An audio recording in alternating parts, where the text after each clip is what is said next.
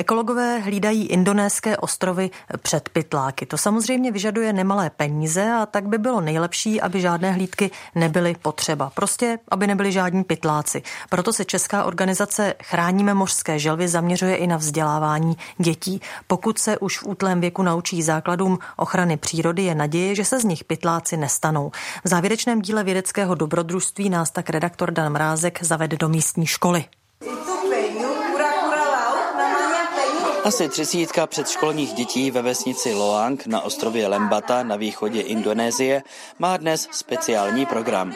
Do jejich třídy přišla předsedkyně České organizace Chráníme morské želvy Hana Svobodová.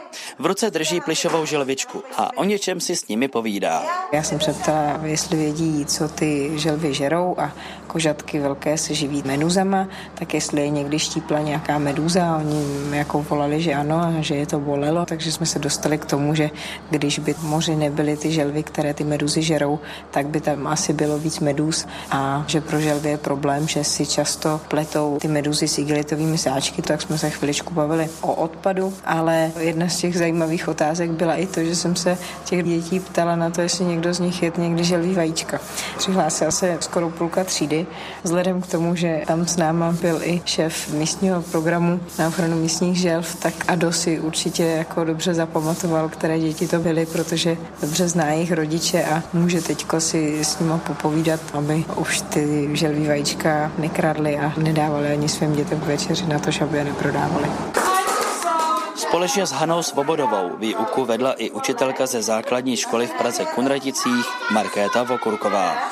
Podle ní i krátká návštěva zahraničních lektorů může v indonéských dětech zanechat výraznou stopu. Já si myslím, že je to důležité stejně tak pro ně jako pro nás, aby věděli, že život nekončí za dny tady téhle vesnice. Mnozí nebyli dál než na tomhle ostrově, protože co dělat jinde, když na sousedním ostrově je to vlastně úplně stejné a my jim vlastně ukazujeme, že se nemusí bát, můžou klidně si zajet i do Evropy, kde jsou taky děti, taky učitelé, taky škola a zase naopak by tam mohli poznat naši kulturu, naše tradice a to si myslím, že seznamování s tradicemi od někud odinut má pro ně určitě význam. I proto se výuka ochrany želv spojila s výukou angličtiny, aby děti viděli, že způsobením ekologů se jim otevírají brány do světa, který jim přináší řadu příležitostí. Můžou tak jednou prospět nejen sobě, ale díky dovednostem naučeným ve světě i svému rodnému regionu. Uvědomuje si to i ředitelka školy v Loangu Pulo. Děti můžou být občas znuděné, když vidí pořád ty též učitele. Jakmile přišly české lektorky, děti ožily, protože to bylo něco nového, neobvyklého. Myslím si, že právě díky těmto mimořádným aktivitám můžou děti získat vztah k přírodě, což je pro budoucnost našeho ostrova velice důležité. Byli bychom proto moc rádi, kdyby tato spolupráce pokračovala. Pokud sem k nám přijede z Česka nějaký dobrovolník pomáhat našim ochráncům přírody, budeme rádi, když přijde i do naší školy. Zatímco spolupráce se školou v Loangu na Lembatě je v úplných počátcích, tak například se základní školou ve vesnici Pajung Pajung, kterou najdeme na ostrově Maratua nedaleko Bornea, Hanna Svobodová spolupracuje už 8 let a výsledky jsou znát.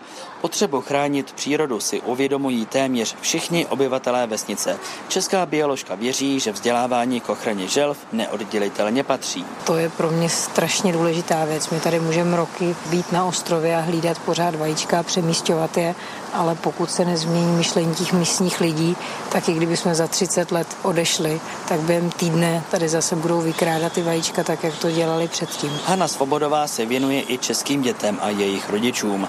Objíždí Českou republiku a přednáší o želvách a jejich ochraně. Právě díky těmto přednáškám mají želvy v Indonésii šanci na přežití.